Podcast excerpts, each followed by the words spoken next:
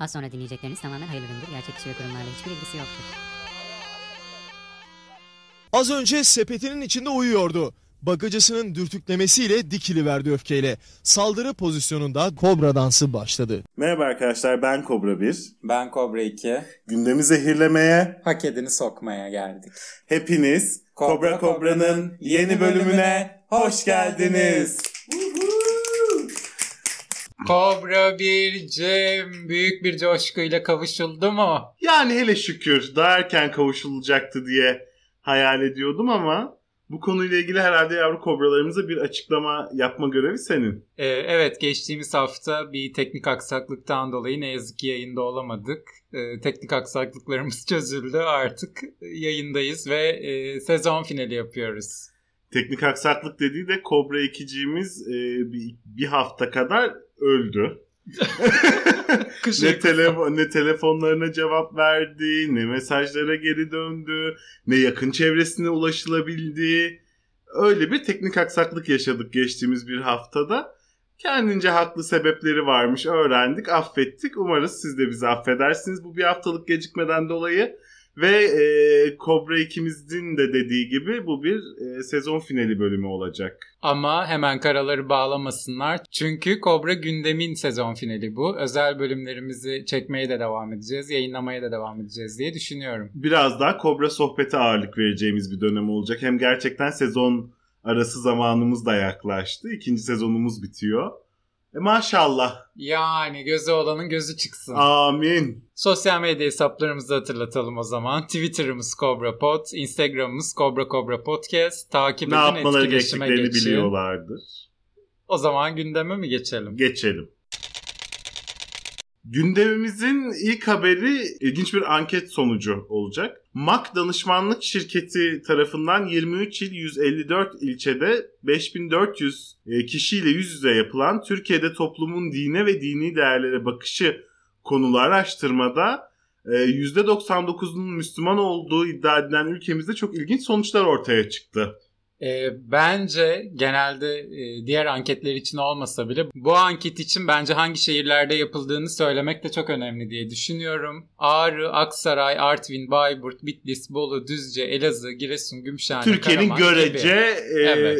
tutucu diye nitelendirebileceğimiz illeri kendileri. E, bu il sonuçlarsa şöyle katılımcıların %14'ü Allah'a inanmıyor. %25'i meleklere inan. O da hassasiyetine mi Dokundu. denk geldi eyvah. %25'i meleklere inanmıyor. %24'ü Kur'an-ı Kerim'in vahiyle geldiğine yani Kur'an'a inanmıyor. %74'ü evdeki Kur'an-ı Kerim'i okumuyor. %27'si öldükten sonra dirileceğine ve hesaba çekileceğine inanmıyor. %68'i Kur'an-ı Kerim'i Arapça hattından okuyamıyor. %83'ü Kur'an-ı Kerim'in Türkçe mealini hiç okumamış. %85'i cennete gideceği kesin olsa bile cennete gitmek için ölmeyi düşünmüyor. en akıllısı da bu. Yani niye öylesin ki ya? Düşünsene bir. Yani cennete gideceğim garanti olarak görüyor. Görüyorsa aslında ölmek istersin.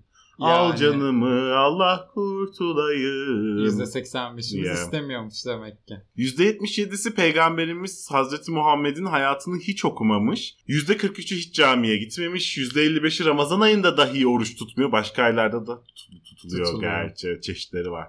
%70'i İslam ile ilgili bilgileri öğrenmek için okumuyor. %78'i namaz kılmıyor. %20'si dua bile etmiyor. %59'u selamlaşırken selamun aleyküm demiyor.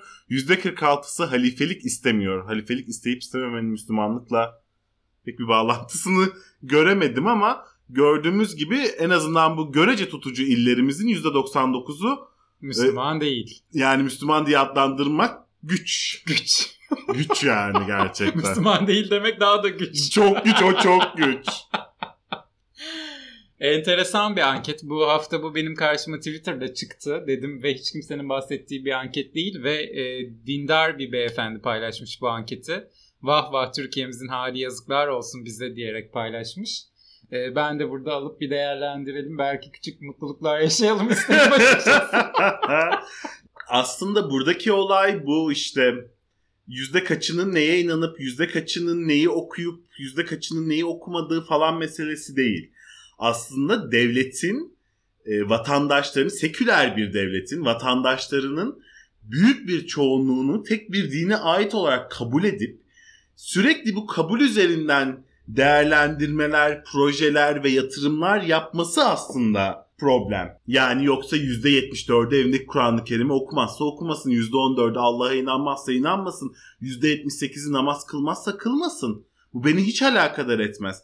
Beni alakadar eden sanki Türkiye'de yaşayan herkesin %99'u bütün bu çekleri dolduruyormuş gibi yani işte günde 5 vakit hatta cumada dahil 6 ve teravih dahil 7 vakit namaz kılıyormuş.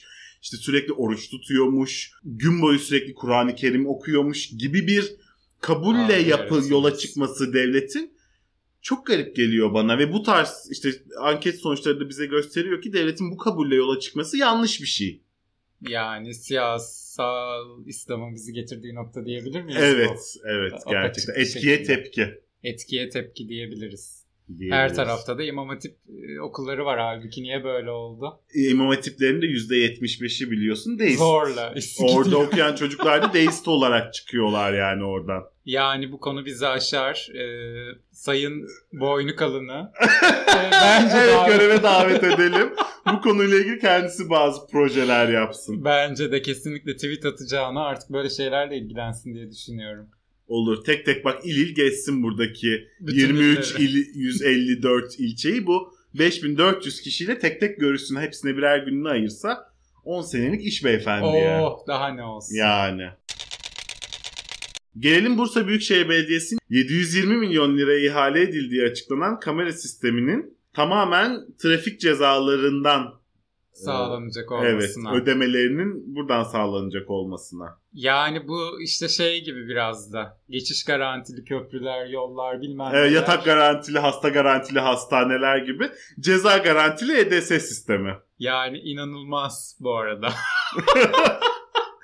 Şey mi peki e, ülkemizde yaşayan vatandaşlarımız öngörüldüğü kadar e, trafik kuralı ihlali yapmazsa bunu bizim elektrik e, şeylerine faturalarında, su faturalarında, doğalgaz faturalarında vergi olarak ödeyecek miyiz Ee, acaba? tabii ki.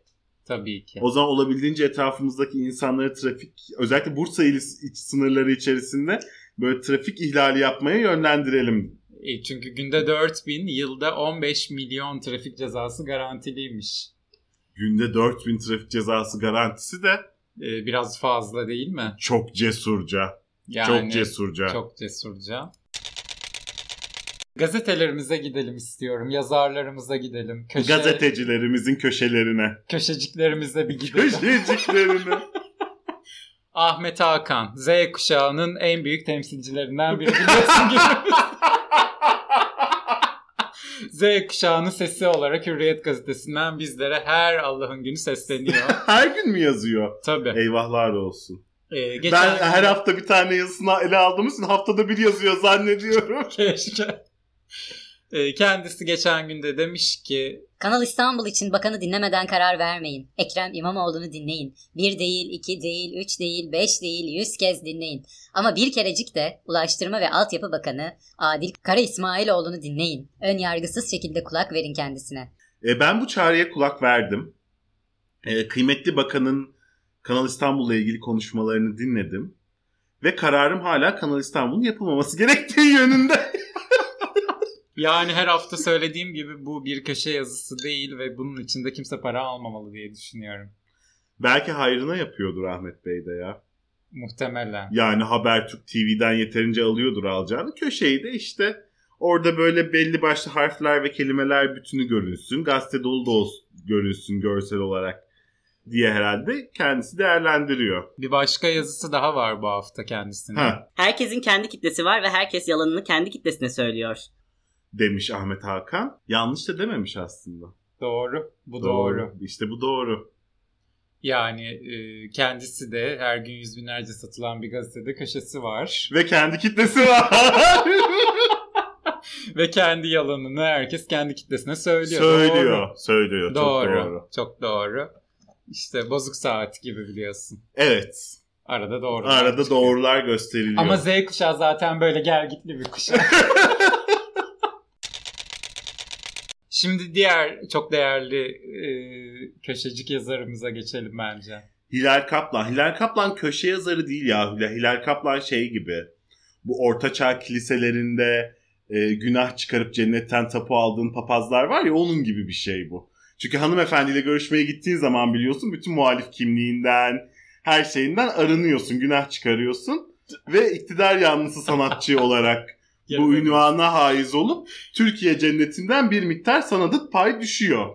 diyorsun. Evet, Hilal Kaplan köşe yazarlığından çok daha ulvi bir görev üstleniyor gibi Ee, geliyor bana. bir hukuk savaşçısı aynı zamanda biliyorsun. Klik klik savaşıyor diyorsun.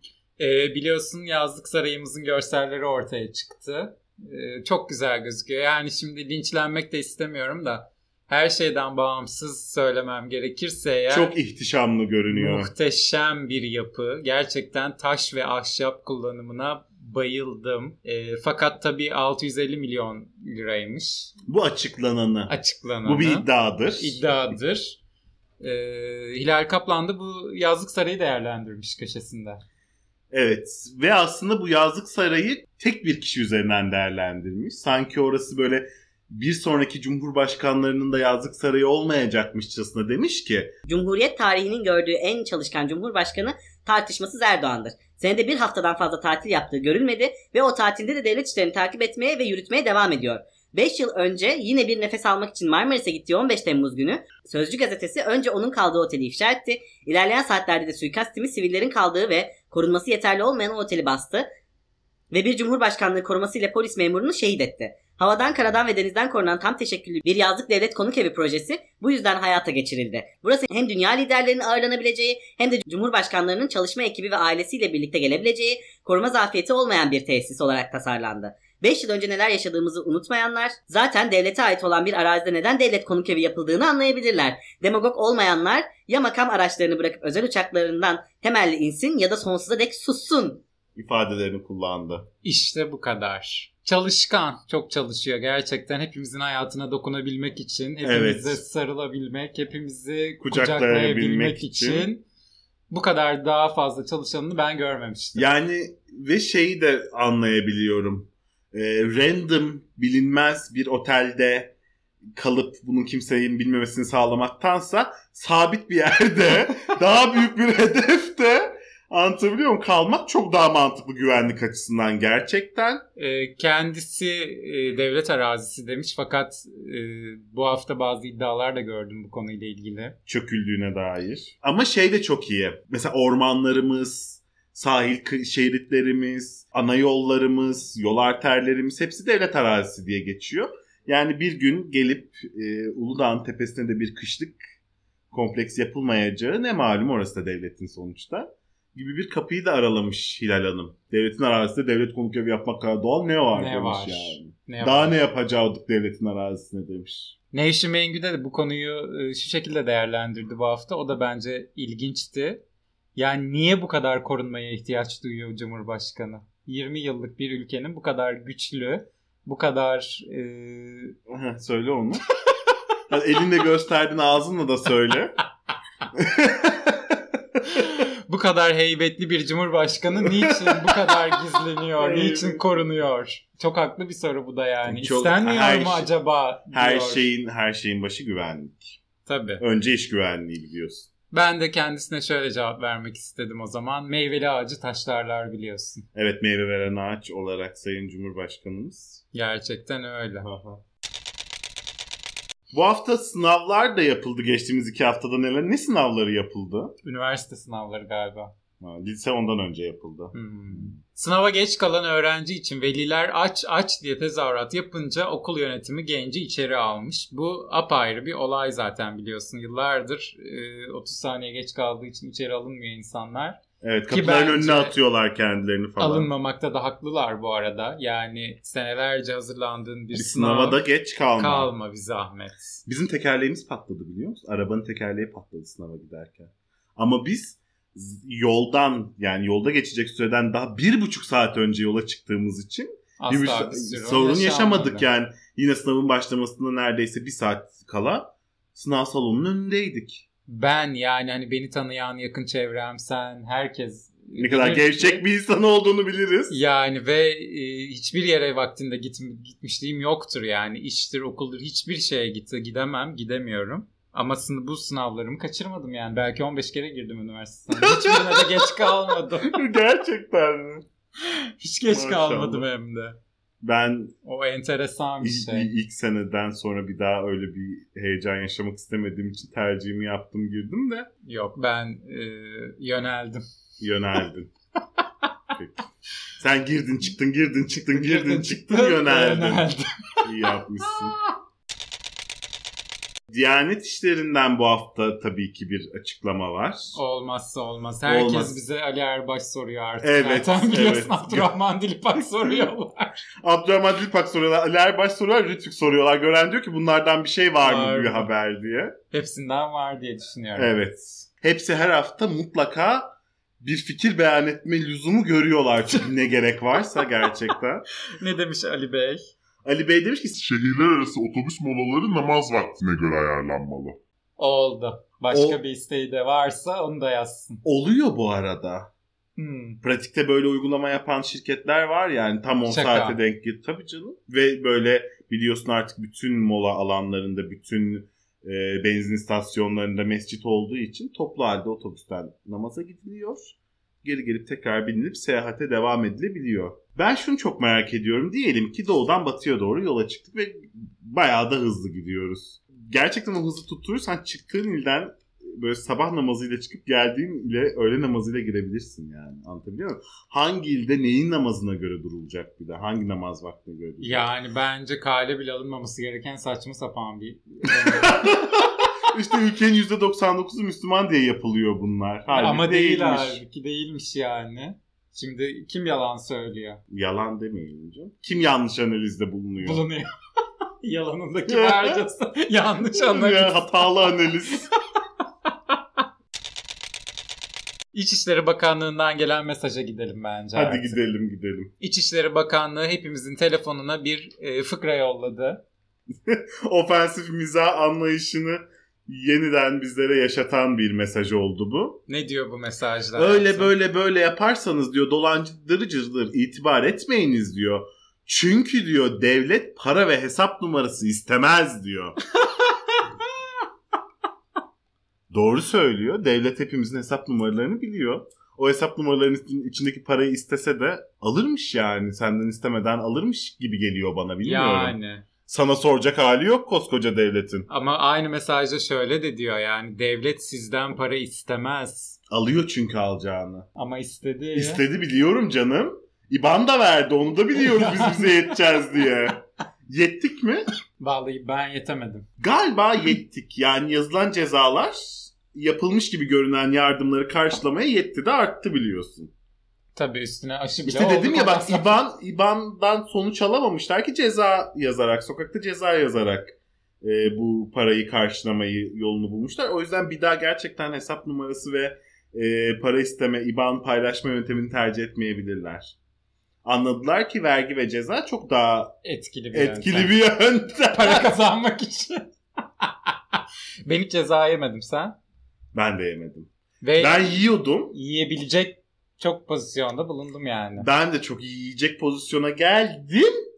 Ucundan vazgeçtik sonra sağ olsun polis bey Hmm. vazgeçti.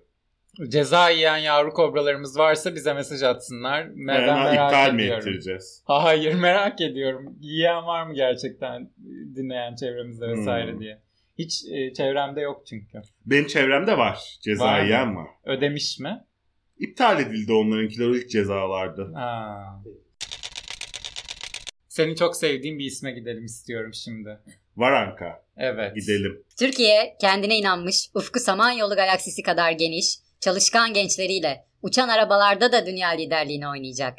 Nasıl ki insansız hava araçlarındaki başarımız şu anda tüm dünyanın dilindeyse, tüm yenilikçi alanlarda da gençliğimizle birlikte iddiamızı kanıtlayacak başarı hikayelerini yazacağız. Demiş. Bu herhalde Sabah gazetesinin şu meşhur e, uçan arabalar göklerde. göklerde yerli uçan araba göklerde haberini birazcık daha böyle işte e, belli bir e, mantığa oturtsun diye yapılmış bir açıklama gibi geldi bana.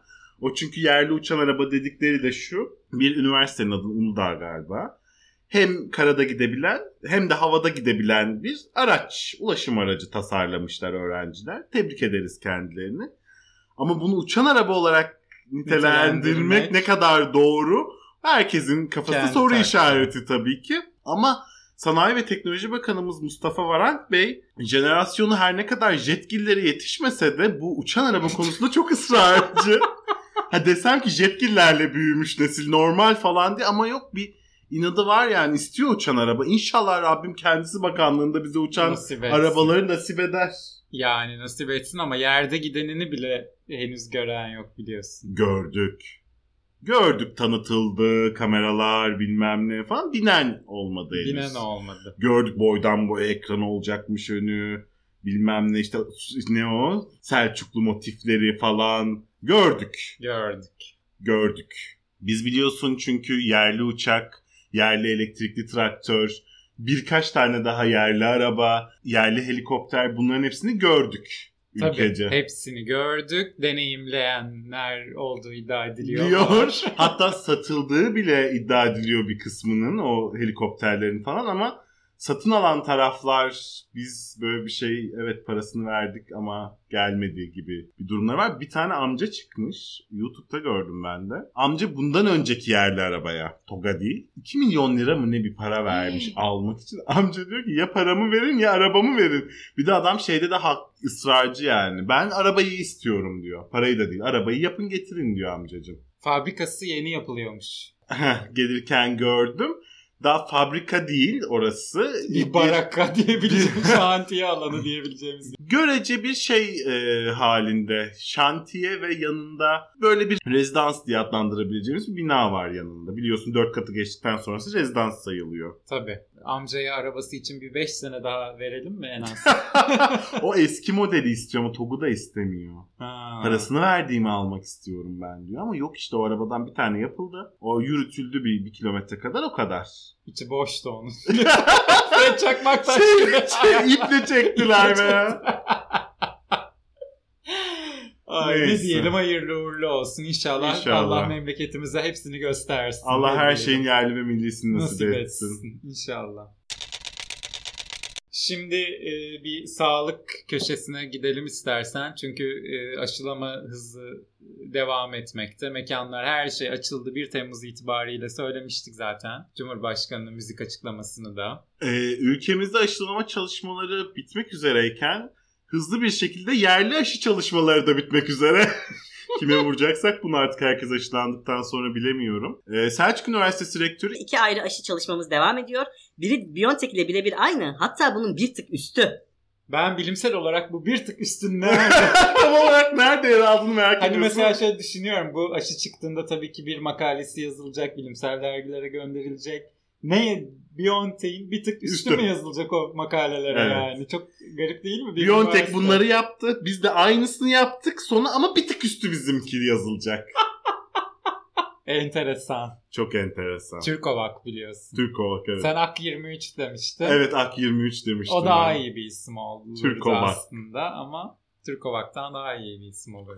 Onun da sonunu C ile değil de K ile yazarlarsa gene olur. Türkovak Ak Tabii. olarak olursa Aa, muhteşem olur. bak göre fikir deryası. Sağlık Bakanı Koca da bu hafta gittiği bir kısır gününde yakalanmış bir açıklaması olmuş. Delta Plus varyantı 3 ilde görüldü. Biri İstanbul, diğer ikisini söylemeyeyim şimdi. Ama Ankara değil. Açıklamasında bulundu ve kısıra yemeye devam, Devam etti. etti resmen dedikodu verdi Sağlık Bakanı. Bu nasıl bir açıklama ya? Yani benim aklım almadı gerçekten.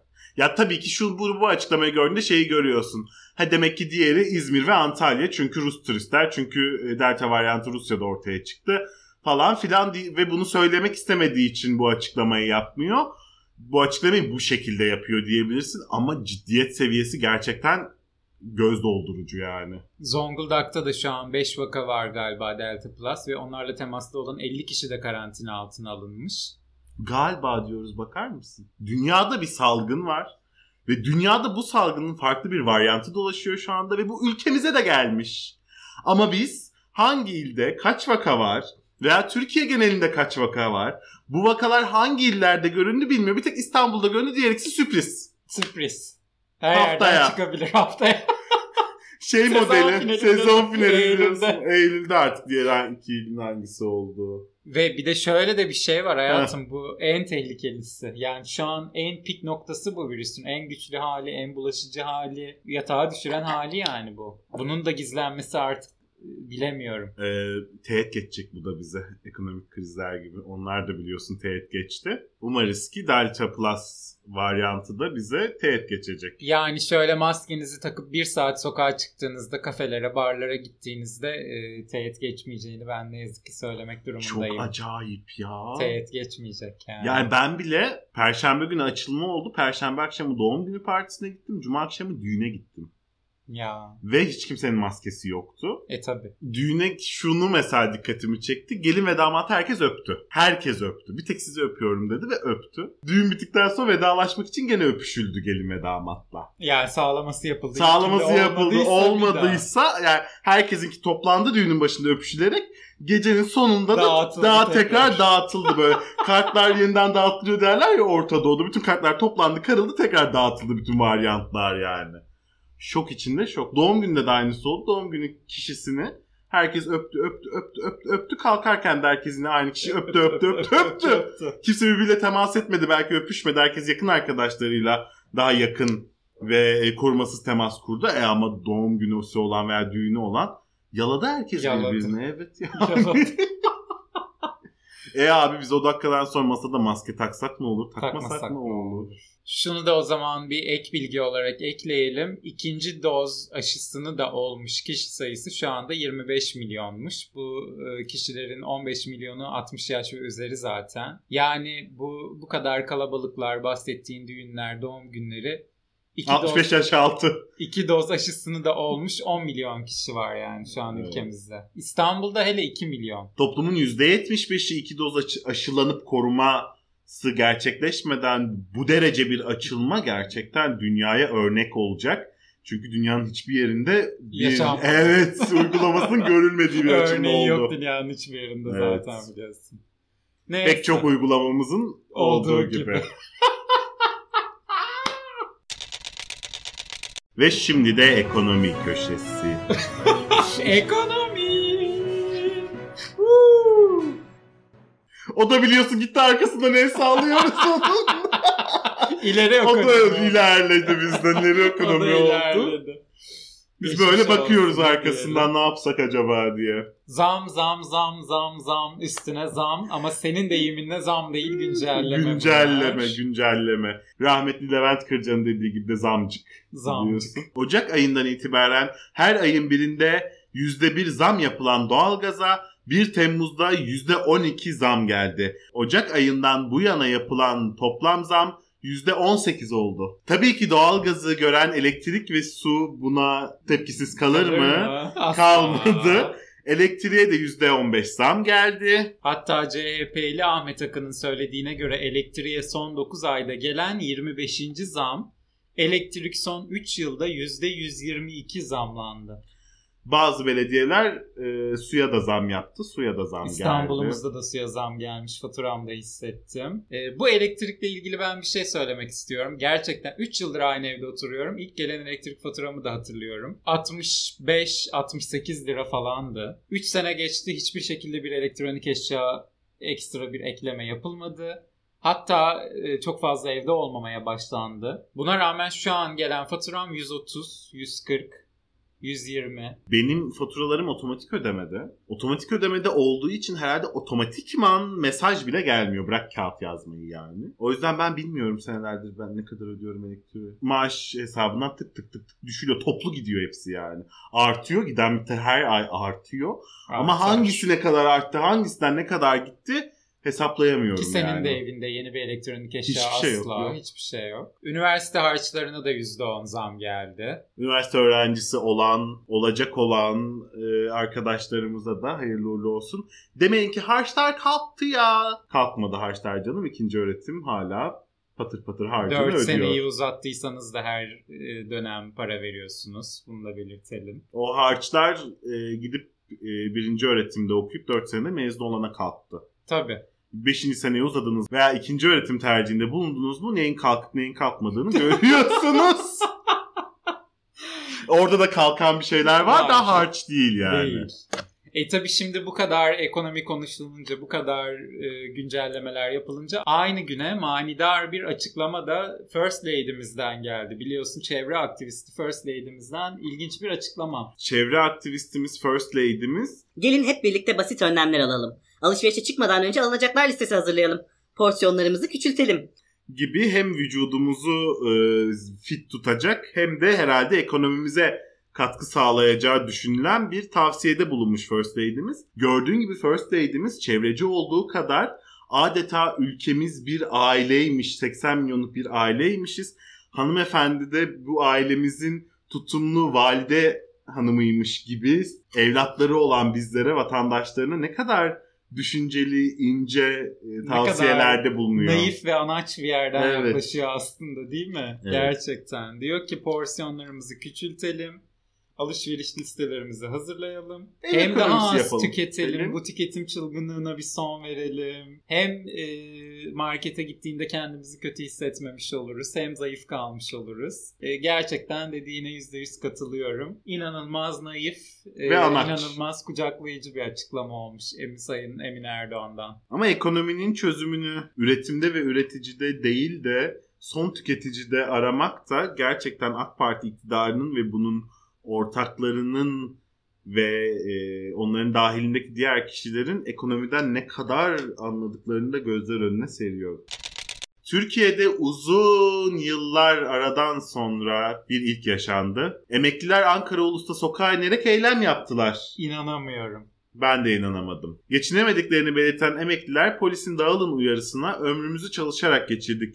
Bu maaşta zaten dağılmışız cevabını verdi. Bunun üzerine bir emekli gözaltına alındı. Ama maaşlar da gerçekten 1600 lira emekli maaşı varmış. 1800, 2000, 2400. Zor. Çok zor. Yani Bu gerçekten, arada gerçekten çok zor. çok Yani zor. bir de şeyi anlamak da çok zor. Ülkenin işçi, işveren ve ekonomik e, kuruluşları bir araya gelip asgari ücret diye bir şey belirt, belirliyorlar. Bu şu demek. Bir kişinin tek başına hayatta kalabilmesi için kazanması gereken miktar budur deniyor. Bunun altında ne emekli ücreti, ne bilmem ne çalışması ücreti falan kabul etmek gerçekten çok zor. Çok Ki mantık dışı yani. Gelişmiş ülkelerde 1, 2, 5 bile değil bu arada. Asgari ücretle çalışma oranı. Asgari ücretle çalışma oranı %1, 2, 3.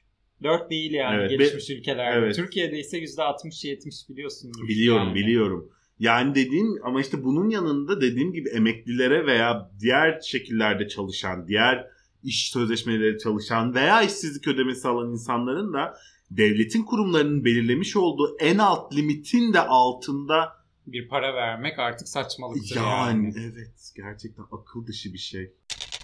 Şimdi sen geçtiğimiz haftalarda Galata Kulesi'ne giriş ücreti kaç para acaba şu an diye soruyordun. 30 liraymış. Bu hafta onu öğrendik.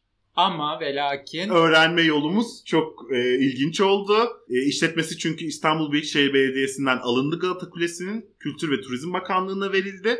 Kültür ve Dur- Turizm Bakanlığı da durur mu? yapıştırmış cevabı. 30 lira olmaz bundan sonra 100 lira demiş. 10 euro demiş aslında. Evet Bu arada 10 euro demiş yani. Çok cüzi bir miktar aslında. düşündüğünde. Yani 3 eurodan 10 liraya çıkmış.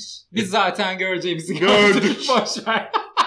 Biz çıkacağımız kulelere Biz kulelere Göreceğimizi gördük. Evlenme teklifi alacağımız yok Galata Kulesi'nin tepesinde. Yani, Yani. artık çıkmayı verelim arkadaşlar. Ne Yani. yapalım?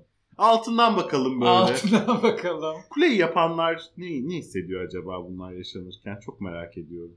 Ben de merak ediyorum. Üzerine geçtiğimiz haftalarda da içi talan edilmişti biliyorsun. O da ilk bölümlerimizde Evet. duyurduğumuz bir haberdi. Yani Enflasyon Haziran ayında yıllık 17.53 oldu. Beklenti %17 idi. Nasıl olduysa beklentiye çok yakın bir enflasyon oranı açıklandı. halbuki e, Hissedilen bu değil. değil. Hissedilen daha büyük. Ki genelde öyle olmaz. Değil mi? Hissedilen hep daha küçük olur Evet. genelde. İlginç. Evet. E hayırlı uğurlu olsun ülkemize ne diyelim. Yani 17.53 değil ya. Değil. Gel bir de bana 25, sor o 30, enflasyonu. Gel bir de bana sor yani. Neyse ekonomik köşeyi bitirelim. Daha fazla moral bozmayalım. Evet bozmayalım hayatım. gerçekten. Herkesin merakla beklediği kısma gelelim artık. Rütük köşesi. Rütük köşesi. Muhalif uçma makinesi köşesi. Rütük tabii ki e, cezaları yine muhaliflere kesmiş. 2021 yılının ilk yarısında Rütük iktidarı eleştiren yayınlar yapan kanallara toplam 22 ceza keserken iktidara yakın kanallara tek bir ceza kararı dahi almadı. Muhaliflere kesilen idari para cezalarının toplamı ise 5 milyon lira oldu. Şaka gibi. Yeni bir ceza haberi geldi bu hafta. CHP eski milletvekili Hilmi Yarayıcı'nın Cemo'yu seslendirmesini terör örgütü propagandası olarak kabul eden Rütük, oy çokluğuyla Halk TV'ye para ve program durdurma cezası verdi. Bir Türkiye için. Cemo bir ağıt ve Ağıt. Cemo'da e, eski bir eşkıya olma ihtimali yüksek bir isim. Ama ne, ne, olursa olursa olsun, olsun. senelerce Bir sanat seslendirilmiş, yani. senelerce seslendirilmiş bir sanat eseri bu arada. Yani. Yani şu anda gidip Spotify'a Cemo yazdığınızda grup yorumdan açıp dinleyebilirsiniz hala. Spotify'da, YouTube'da, orada burada her yerde yayınlanan dinleyebilecek bir Bir sanat terör eseri. örgütü propagandası.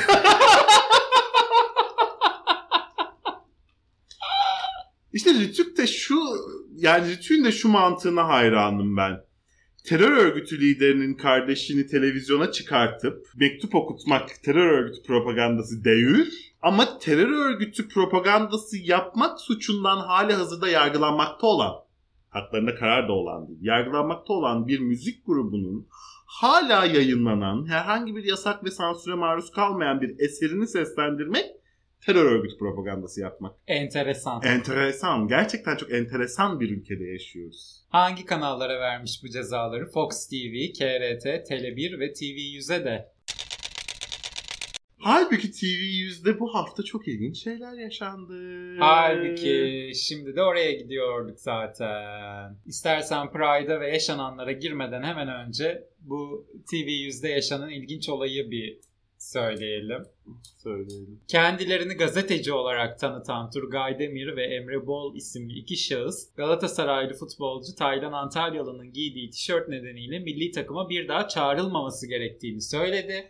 Bu Bunu- konu hakkında 10 dakika 20 Of. dakikada aptal Of. saptal fikirlerini döktü Hadi dede. diyelim. Gerçekten aptal saptal. Yani konuyla ilgili hiçbir bilgileri olmadığı çok açık. Çok. Ama bilgileri olmadığı bir konu hakkında lüzumundan fazla fikirleri olduğu da çok açık. Kahvehaneden naklen yayın. Aa, Gerçekten öyle. Seviye o yani. Seviye böyle ilkokul 3. sınıfa kadar okuma yazma öğrenmiş. Onu da hayatında hiçbir zaman Kullanmamış. kullanmamış. Böyle e, sürekli A Haber izleyen bilmem ne tiplerin oturup geyik muhabbetini izlermişçesine öyle bir seviyede yani bir programa şahitlik ettik. Taylan Antalyalı'yı savunmaya çalışanlar da oldu. Evet. Onların da bu konuyla ilgili hiçbir bilgisi olmadığı Evet, anlaşıldı. evet. Onlar da çok içe ipe sapa gelmez söylemlerle bir savunma gerçekleştirmeye çalıştılar yani. O da çok ilginçti. Ama şöyle bir şey söylendi.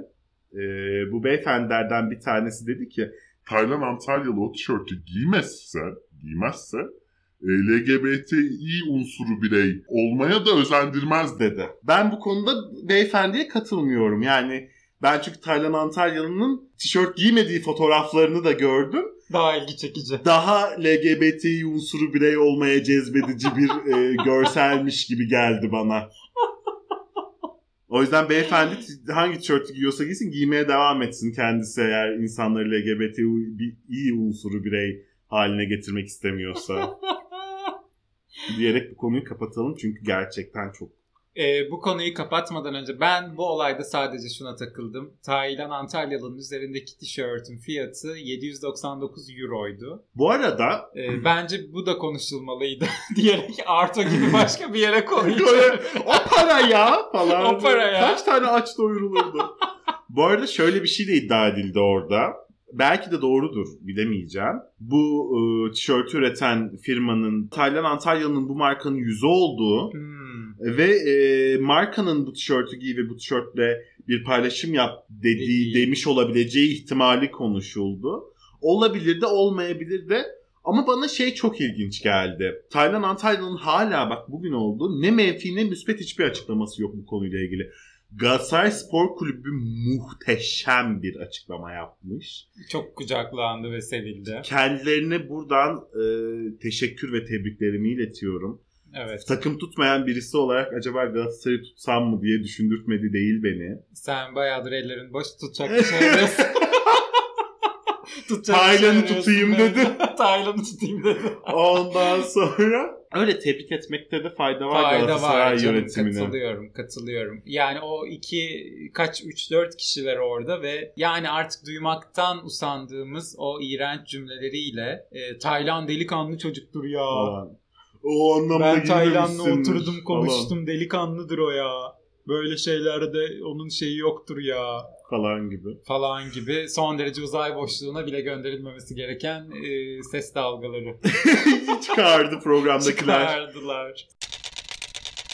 Şimdi e, bu Pride ve yaşananlara gideceğiz dedik. E, o zaman bununla ilgili başka bir habere gidelim. Sakarya Üniversitesi'nin Tıp Fakültesi mezuniyet töreni öncesinde öğrencilere mesleğe başlamadan önce okutulan hekimlik andı olarak da bilinen Hipokrat yemininden cinsiyet, etnik kimlik ve cinsel yönelim ayrımı yapılamayacağına yönelik bölüm çıkartılmış. Öğrencilerin tepkisi üzerine mezuniyet töreni programından çıkarılan yemin bir gün öncesinden öğrencilere okutuldu. Üniversitenin dayattığı metne tepki gösteren bazı öğrencilerin Hipokrat yeminini, orijinalini okuduğu öğrenildi.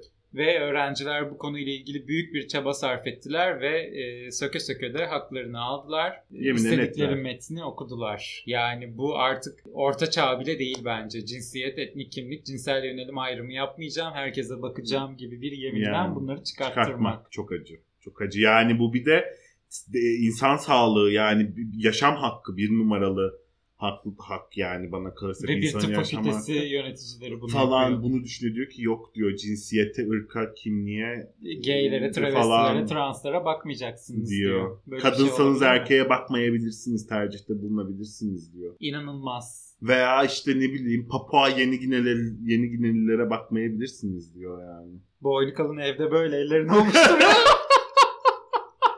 Yani mesela atıyorum ki e, bir erkek biyolojik olarak erkek bireysiniz. Çok ünlü, dünyaca ünlü Türk dermatolog bir hanımefendi var.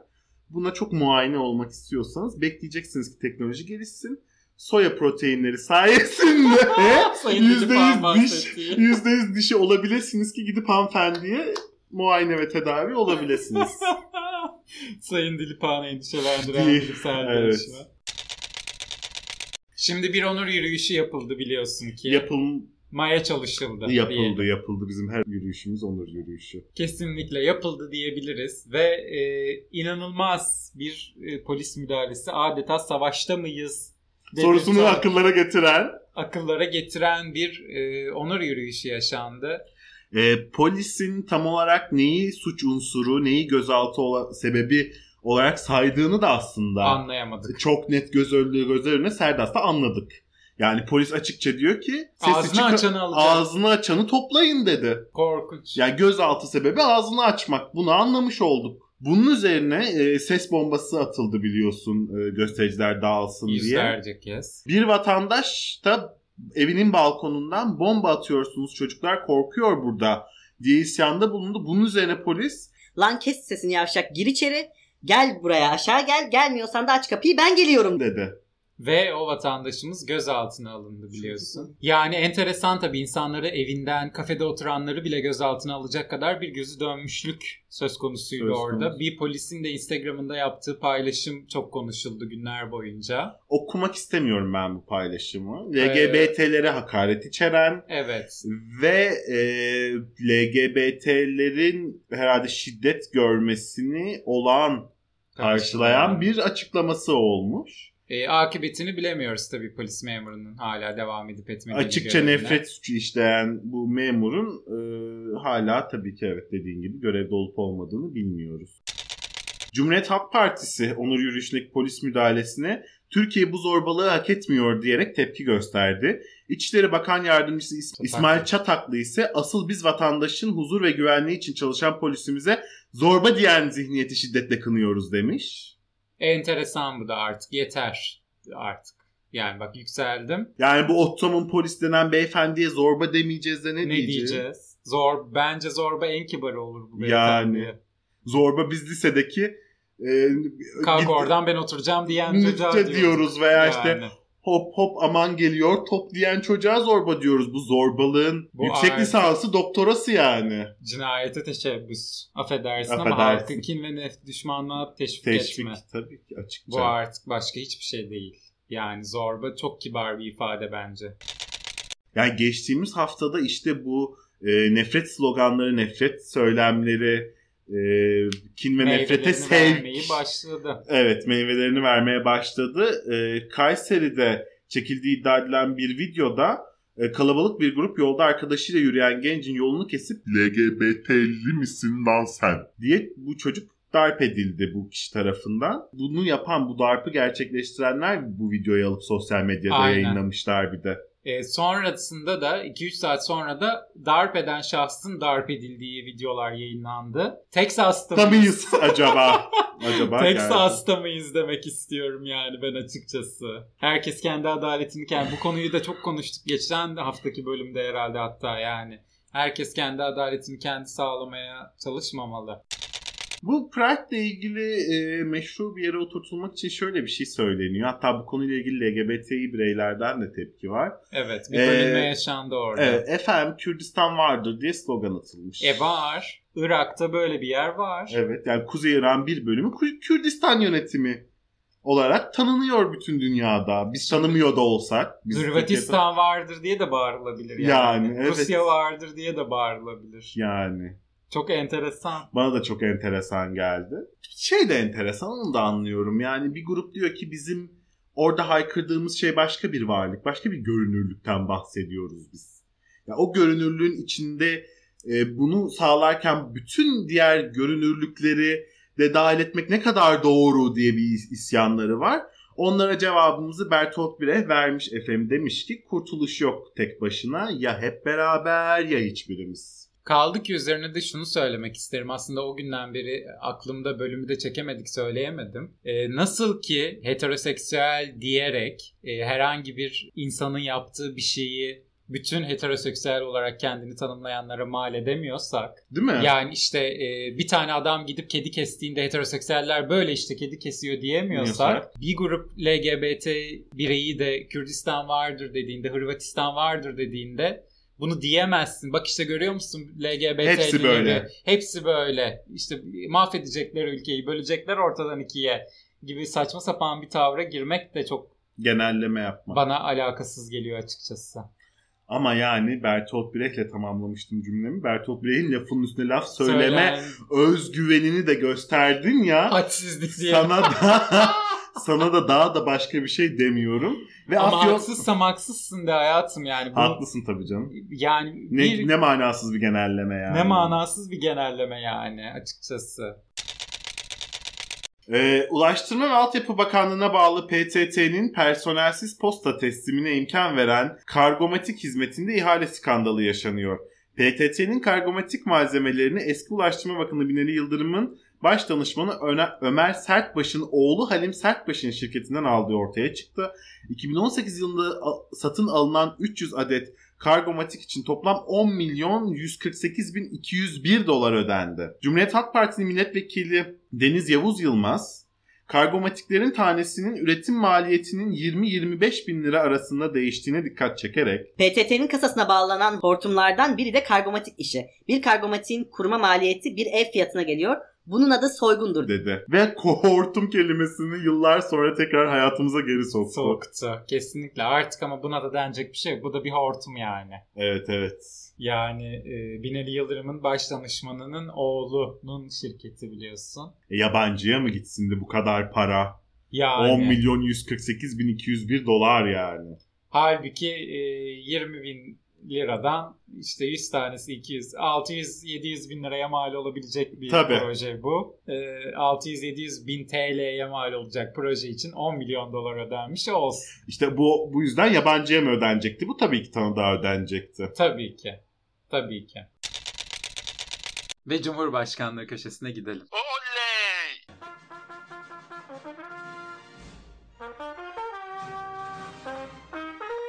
Cumhurbaşkanlığı köşesi.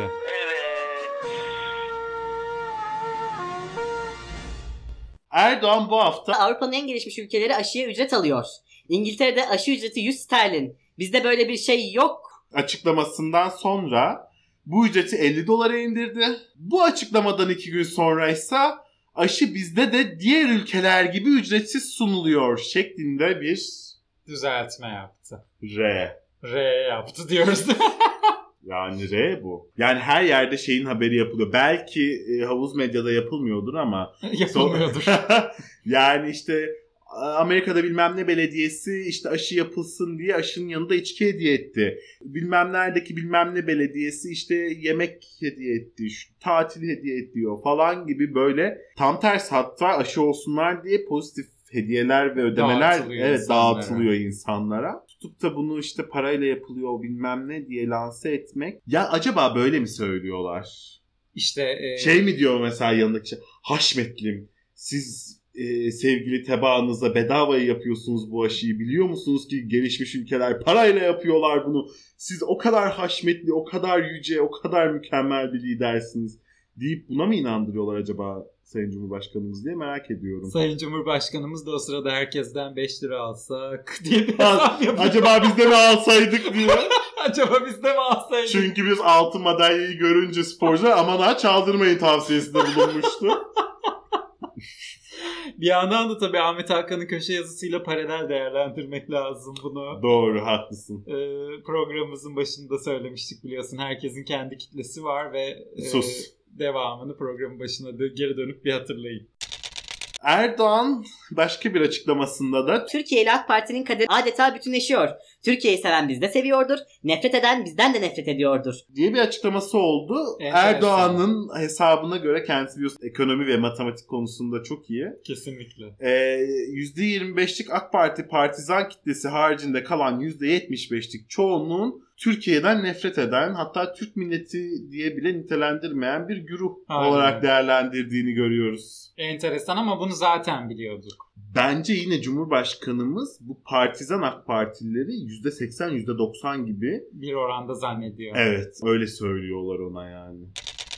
Geçtiğimiz günlerde söylediği bir açıklamayla daha devam etmek istiyorum. O da çünkü bence çok enteresan. Kemal Kılıçdaroğlu biliyorsun iktidara geldiğimizde uçakları satacağız dedi. Çünkü ihtiyaç fazlası olarak nitelendiriyor bunları. E tabi bir kişinin makam uçağı 10 tane falan herhalde. Demiş ki Erdoğan Neymiş? Gelince uçakları satacakmış. Dünyayı dolaşacaksın. Tarifeli uçaklarla mı? Trene binersin, otobüslerle beraber seyahat edersin. Sonra da ben muasır medeniyetler seviyesinin üzerine çıkacağım dersin. Atatürkçüsün ya. demiş. Demiş. Sayın Kemal Kılıçdaroğlu'na. Muasır medeniyetler seviyesinin herhalde gökyüzüne Atatürk'ün gösterdiği yerde çizili bir sınır olduğunu ve onun üzerine sadece özel uçaklar çıkılabildiğini zannediyor herhalde Sayın Cumhurbaşkanımız. Yani çok enteresan. Bu açıklamanın bana kalırsa enteresan kısmı artık iyice e, Kemal Kılıçdaroğlu'nun iktidara geldiğinde yapacaklarına yönelik cevaplar vermesi. Evet evet. O ihtimalin de olabileceğini Artık öngören, evet, evet kanıksayan açıklamalar ve yanıtlar oluyor. 2-3 haftadır bayağı böyle işte siz gelirseniz şöyle olur, böyle O olur borç falan diye. meselesi biraz evet. daha borç meselesine de gireceğiz. Bir kabulleniş söz konusu gibi duruyor açıkçası. Aynen öyle. Erdoğan biliyorsun ki e, iki aydır Kanal İstanbul yatıyor, Kanal İstanbul kalkıyor. Allah kimseyi kanalsız bırakmasın. Kendisi Kanal İstanbul'la ilgili bu hafta da pek çok açıklamada bulundu. Bizim referansımız 84 milyon vatandaşımızın her birinin hayat kalitesini yükselten başarılara imza atmamızdır. Kanal İstanbul işte bu atılım zincirinin yeni bir halkasıdır. Şu açıklamayı yaparken Taksim Mis Sokak'ta yürüyüş yapmak isteyen insanlar süründürülerek gözaltına alınıyor.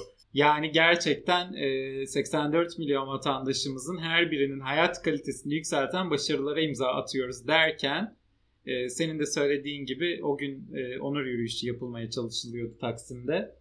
E, vatandaşlarımızın hayat kalitesi bir hayli yükseltildi. Yerlerde sürüklenerek diyorsun. Yerlerde sürüklenerek, gaz bombaları atılarak, plastik mermilere hedef olunarak. Vallahi Kanal İstanbul'la ilgili açıklamalarından devam edelim. Ben hepsine toptan açıklama cevap Edelim. vermek istiyorum çünkü. Kanal İstanbul sadece Türkiye'nin değil belki de dünyanın en çevreci projesi olarak hayata geçirilecektir. Açıklamasında da bulundu. Ardından Kanal parasını iktidara gelince ödemeyeceklermiş. Uluslararası bankaların para- paralarını ödemeyeceklermiş. O paraları sizden söke söke alırlar. Açıklamasında bulundu. İyi prompterda yazanı yanlış okumamış. ben iki kere baktım söke söke mi demiş diye. Kanal İstanbul artık gerçekten inada bindi. İnada bindi ve, Ve çılgınlığıyla değerlendiriliyor. Yani getirisi şu olacak, götürüsü bu olacak, şöyle iyi olacak, böyle kötü olacak gibi değil. Şu aman da şu kadar çılgın, aman da bu kadar akıl almaz diye reklamı yapılıyor. Anlamadım her çılgın proje iyi bir proje midir yani? Ha, benim de çılgın projem tente gelelim İstanbul'un üstüne. Benimki de bu. Boydan boya böyle gölgelik yapalım İstanbul'da serinde duralım yazın. Aslında keşke o bizim çılgın projelerimizi bir bölüm halinde derlesek. De, evet değil mi? değil mi? Değil mi? Özellikle bu cami kent projesi muhteşemdi. Çılgın projelerimiz diye bir özel bölüm çıkartırız bu arada. 20 dakika eder onlar. Bu paraları söke söke almak konusunda da bu hafta hem Kemal Kılıçdaroğlu'nun hem Meral Akşener'in çok fazla açıklaması oldu. Kemal Kılıçdaroğlu pek çok dilde borcu ödemeyeceklerine dair tweetler attı ve bunu bütün dünyaya duyurdu. E, Meral Akşener ise e, günümüzde çok popüler olan uluslararası hukuk okuma modasına akımına dahil olmuş biliyorsun. E, YouTube ünlümüz Sedat Peker de e, uluslararası hukuk okuduğunu söylüyordu sürekli. Ve uluslararası hukukta tanımlanan e, Tiksindirici borç kavramına dikkat çekmiş. evet gündeme getirdi. Ve e, bununla ilgili şöyle kısacık bir açıklama yapalım. Tiksindirici borç demek bir devleti yöneten kişinin e, diğer dış devletlerden borç alarak bu aldıkları parayı tamamen kendi iyiliklerine, kendi çıkarlarına harcaması sonucu e, bu paraların e, devletin vatandaşlarına değil, devlete değil, kişisel çıkar elde eden kişiye ödetilmesi anlamına geliyor aslında. E hayırlısı. Hayırlısı. Ee, bu çok az verilmiş bir karar. Tiksindirici borç kararı. Çok nadir görülen bir uygulama. İlk 5'e girer miyiz acaba? bu kararı alma konusunda diye bir soru işareti oluşturmuyor değil insanın kafasında. Yaşayıp göreceğiz. Aynen öyle.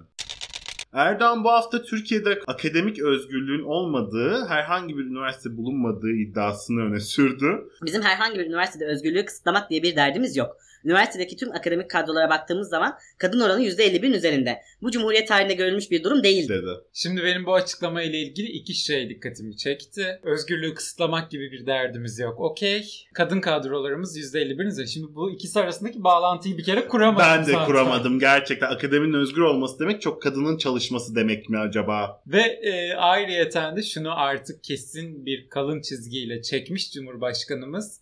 1923-2002 Cumhuriyet dönemi, 2002-2021 AK Parti dönemi. Yani bu Cumhuriyet tarihinde de görülmüş bir durum değil. Bizim tarihimizde Bizim görülüyor. tarihimizde görülüyor. Evet. Bu artık bence apaçıkta bunun e, ilanı.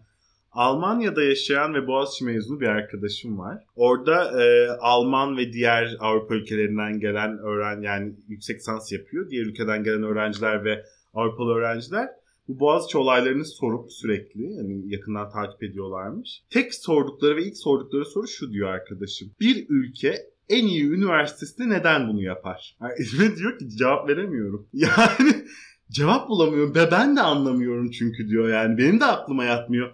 Ha gerçekten bir ülke en iyi öğrencilerini yetiştirdiği en iyi üniversitesinde neden böyle bir şey yapar? Ben ben de anlamıyorum diyor. Yani buna ek olarak onur yürüyüşünde yürümek isteyen e, insanların da isyanları neden yürüyemiyorum? Evet, neden? Veya neden piknik yapamıyorum? Neden gidip ben ülkemin, şehrimin halka açık parkında oturup piknik yapamıyorum? Cevapsız sorular biliyorsun. Aynen öyle. Veya neden 12'den sonra müzik açamıyorum? Neden saat 10'dan sonra içki alamıyorum? Neden e, bir ilde insanlar ayda en az 4000 kez trafik ceza pardon günde mi? Ne Günde. boksa falan yazdırmak zorunda? Neden ben bunu anlamıyorum yani. E, Erdoğan bu hafta çarpıcı açıklamalarına devam etti. Biz demokratlık görüntüsü altında faşistlik yapmıyoruz. Dedi. Çok Doğru. doğru, söylemiş. Hiç demokrat görüntüleri yok çünkü. Doğru. Çok doğru yani. Doğru söylemiş. Gerçekten e, haftanın en doğru ve güzel açıklamalarından biri. Evet yani bu böyle gerçekten şöyle okunuyor. Ben öyle okuyorum yani zihnimde bunu. Ee, biz faşistliği demokratlık görüntüsü altında yapmıyoruz olarak okuyorum. Gerçekten de öyle. Doğru. Doğru. teknoloji ve ekonominin e, böyle birbirleri üzerinden okunması beni çok anlayamıyorum. Hiç anlayamıyorum. Yani sokak röportajlarında görüyorum bunu sürekli. Bir genç diyor ki ben işsizim benim param yok. Sonra bir tane boomer geliyor diyor ki cebindeki telefon kaç para? bu, bu- buradan yürü- yürüyor hep tartışma. Bu hafta buna ek olarak şunu söyleyeyim ben de o zaman. Bir sokak röportajında bak elinde su da var. Suyunu da almışsın çıkmış geziyorsun diyen bir amca gördüm yani. Evinden getireceğim paran yoksa suyunu. Ve bunlara Erdoğan da bir böyle ekonomimiz iyi demek için aslında şöyle bir açıklaması oldu. Dedi ki Cep telefonu ve üzerindeki uygulamalarla saniyeler içinde dünyanın her köşesinde insanlarla iletişime geçmek mümkün. Bu da doğru. bu da doğru. Görüyor Günaydın. musun? Bu da doğru. Günaydın. Peki telefon üzerindeki hangi uygulamalarla saniyeler içinde dünyanın köşelerindeki insanlarla iletişime geçiyorsun? Sen hangi uygulamalarla dünyanın diğer insanlarıyla iletişim kuruyorsun hayatım? Ben kendi semtim dışındaki kimseyle iletişim kurmuyorum biliyorsun. 3 Bir- kilometre sınırı var. Sınırı biliyorsun. var. Ben de 3 kilometreyi geçtim mi benim için iletişim kurmaya değer olmuyor. Onun böyle haritasını ayarlayıp istediğin yere gidebiliyorsun. Biliyorum, biliyorum. İşte sen nerelere gidiyorsun onu merak ettim. Ben bir yere gitmiyorum hayatım. Hmm. Evimdeyim. Okey. Erdoğan dedi ki ekonomimizi öve öve bitiremedi tabii ki bu haftada. Eskiden arabalarının depolarını doldurup öyle gelirlerdi. Şimdi iş tersine döndü. Depoları fullleyip sınır dışına çıkıyorlar. Diyor ki bizde petrol Avrupa'dan daha ucuz. Evet. Yani euro bazına vurduğunda olabilir bu bu arada. Evet. Bunun değeri ama yani petrolün ülkemizde ucuz bir şey olması Olmasıyla değil, değil. TL'nin değerinin diğer paralar karşısında bir hiç olması. Yok hükmünde oluşu. Yok. Yok hükmünde oluşu diyebilir miyiz? Ve bununla Türkiye Cumhuriyeti Devleti Cumhurbaşkanı'nın gurur duyması. Enteresan. Enteresan. E, Erdoğan yetinmedi. Tabii bu da bir iki haftalık gündem olduğu için. Tabii çok konuşmuş Çok, gibi oldu evet. ama iki haftalık. Bunlara göre ülkedeki cumhurbaşkanından başlayarak bakanlarından, vekillerinden, bürokratlarından iş adamlarına kadar herkes tahammüden vatana ihanet etmektedir. Herkes yolsuzluk yapmaktadır. Herkes uyuşturucu kaçakçısıdır. Herkes kötüdür. Doğru. Kimse bu... Bunlar kimse ne güzel bir analiz yapmışlar bunlar diye bahsettiği kişiler diyormuş. doğru Hayır. diyormuşum buna da değil tabii doğru Değil. değil. Aa, ne Aa. münasebet. Bunlara göre gerçekten böyle insanlar var. Evet, O böyle düşünenler var. Bak, Böyle hiç- hiç düşünenler var. Ben Bunlardan ben de tanımıyorum kimseyi. Desen ki bu bunlardan mıdır ben bilmem. Ben bilmem. Ben bilmem. Ben bilmem. Cumhurbaşkanımız ne söylüyorsa odur benim Odur. için. Odur. İkiletmem. Odur. Yani diyorsa ki bu gördüğün beyaz toz yığını pudra şekeri o pudra şekeridir. Aksi düşünülemez. Diyorsa ki bu e, peynir tenekelerinin içinde peynir vardır, peynir, Peynir vardır. vardır. Diyorsa ki biz Mersin limanında bir ton kokain ele geçirdik. Hiçbir zaman aklımda acaba o bir ton kokain ele geçirirken arkadan 10 ton ülkeye sokulmuş mudur diye bir soru işareti hiç olmadı kafamda. Ee, İçişleri Bakanımız, Sayın Cumhurbaşkanımız ve bizi yöneten sevgili devlet büyüklerimiz ne diyorsa biz onu her zaman %100 kabul eden birer vatandaşız. Yerli ve milliyiz sonuna kadar. Aslında bu e, Erdoğan'ın açıklamasından sonra Soylu'nun Ben dünyanın en kötü adamıyım. açıklaması tabii e, Akıllarda soru işaretleri doğurdu. akıllarda soru işaretleri doğurdu ve o bunlar kim ve Soylu ne diyor? ya sosyal medya ne kadar e, tehlikeli bir yer değil mi? Değil mi Sayın Erdoğan da böyle düşünüyor. Ya biliyorsun. hakikaten öyle ama insanlar bütün katarsislerini herkesin gözü önünde yaşıyorlar. Çok tehlikeli, çok can sıkıcı yani. Bilinçaltları e, bazen evde saklanmadı. E yani Sokağa 80 çıkarılmamalı. milyonunu okuyabiliyor insanların bilinçaltlarını artık. Çok gerçekten riskli bir durum. Kesinlikle öyle. Son açıklamasına gidelim artık. Son olayı bu haftanın. Cumhurbaşkanı Recep Tayyip Erdoğan, CHP lideri Kemal Kılıçdaroğlu'na 500 bin Türk lirası değerinde tazminat davası açmış. Davanın Kılıçdaroğlu'nun grup toplantısında söylediği sözler nedeniyle açıldığı da açıklanmış. Şöyle demiş Kılıçdaroğlu o toplantıda. Erdoğan şahsım hükümeti Türkiye'yi felakete sürükleyen bir sürecin içindedir. Bir daha söyleyeyim. Erdoğan'ın şahsım hükümeti Türkiye'yi felakete sürükleyecektir. İşsizlik, yoksulluk, perişanlık, rüşvet, yolsuzluk, uyuşturucu her şey var ve hepsi saray ve şürekası tarafından koruma altına alınmış durumda. Hepsinden besleniyorlar. Bu kadar ağır konuşuyorum. Ya acaba mahkemeye verirler mi diye tık yok. Mahkemeye de vermiyorlar. Bari bir namuslu hakim buluruz da onları ispat ederiz. Yok. Tık yok. Geçmiş olsun ne diyelim. Mahkemeye verirler mi sorusuna cevap işte vermişler. Vermişler. Al sana diye. Al sana mahkeme Cevap demişler. verme şeyinde bile bulunmamış. bulunmamışlar. Yani avukatlar Yani- iletişime Hı. geçmiş. Aynen öyle. Şey gibi Gülben Ergen gibi kin tutmuyorum canım avukat tutuyorum. Ve bu arada e, Türkiye'deki hukuk sisteminin Kemal Bey'in bahsettiği işsizlik, yolsuzluk, perişanlık, rüşvet, yoksulluk ve uyuşturucuyla mücadelesinin de nasıl ele aldığını çok net gözler önüne seriyor. De, eğer bir gün dersen ki işsizlik, yoksulluk, perişanlık, rüşvet, yolsuzluk ve uyuşturucu var bu memlekette buna yargı bir şey yapsın bununla ilgili konuşana yapıyor yargı. Evet. Çünkü biliyorsun ki bir şeyi konuştukça var edersin. Konuşulmayan bir şey yoktur. Yoktur. Yok hükmündedir. Yoktur. Yok hükmündedir. O yüzden yazıklar olsun Kılıçlar sana burada. Kesinlikle. Yani bizim ülkemizde ne rüşvet, ne uyuşturucu, ne yolsuzluk, ne işsizlik, ne yoksulluk, ne perişanlık var. Bunların hepsi Gerçekten İsmet. İnönü zamanında kaldı.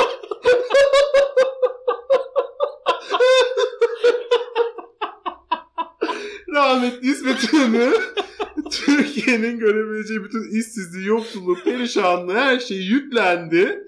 Ve gitti. Gitti.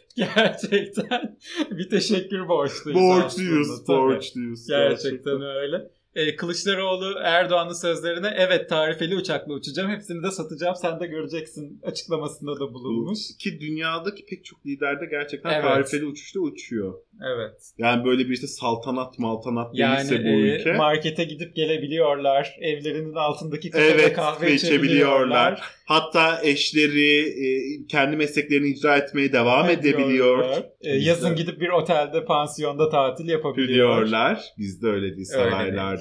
Aa, bize de bu yakışır. İtibardan tasarrufu olmaz. Şimdi Sayın Cumhurbaşkanımız Tayyip Erdoğan'ı bir pansiyonda düşünebiliyor musun? Yani Asla. Aa, mümkün değil. Yakışmaz zaten.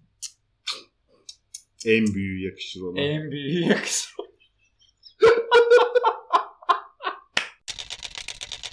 Sevgili yavru kobralar. Diyoruz ve toparlıyoruz. Toparlıyoruz. Büyük böyle gibi bitiyor. Diyorum ve toparlıyorum.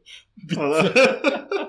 Ay umarız ki güzel bir sezon finali olmuştur. Vallahi biz böyle özlemişiz birbirimizi yan yana bu çekimi yapmak bize çok keyifli geldi. Ne kadar sürdü Kesinlikle. Hamdi Bir buçuk saat sürdü. Ki bunun 5 saatlik bir durdurup durdurup aralarda sohbet etmesi de var. Ee, söylediğimiz gibi bu Kobra gündemin sezon finalidir. Ve yine geçtiğimiz sezon olduğu gibi Ağustos ayının sonlarına doğru tekrar başlarız herhalde. İnşallah. İnşallah. E, çünkü gündem gerçekten artık böyle üstüne uzun uzun konuşulacak e, halde değil bence. Ya tabii ki konuşulacak halde neler neler oluyor. her Oluyor, geçen gün her şey. geçen gün aklımız bir kere daha böyle bir duruyor ama e, biz de çok yorulduk. Gerçekten öyle bu Yani arada. bunlar hani süzüp çıkardığımız üzerine e, bir nebze de olsa gülebileceğimiz haberler aslında. Bir de gülemeyeceğimiz tarafı var. var. Onlara da sürekli maruz kalmak gerçekten çok yıpratıcı oluyor. Biz de Marmaris'te bir sarayda tatil yapmayı hak ettik.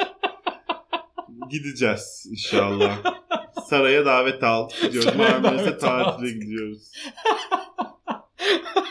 Ay sinirlerim bozuldu.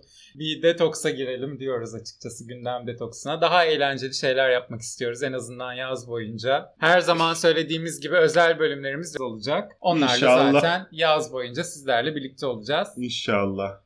Hepinizi öpüyoruz. Kobra gündem olarak e, Eylül'de görüşmek üzere. Eylül mü olduk şimdi? E dedik ya Eylül diye. dedik dedik Eylül dedik. E, belki arada çok önemli bir şeyler olur. Yine Boğaziçi gibi özel bölümler de Tabii, yaparız tabii gündem canım. için. E, herhalde. Öpüyoruz. Takipte kalın efendim biliyorsunuz bizim sağımız solumuz belli, Belli olmaz. olmaz. Ne zaman ne bölümü yükleyeceğimiz belli, Belli olmaz. O yüzden Twitter'ımız CobraPod, Instagram'ımız Cobra Cobra Podcast. Buralardan bizi takip edin ki ne zaman bölüm yükledik haberdar olun. ee, bizi özleyin anacım. Vallahi Özdeyin anacığım. Muah. İşleri bitince sakinleşiyorlar. Sonra yeniden sepete. Neyse ki buna razılar. Aksi halde yılanların öcü durumu ortaya çıkardı.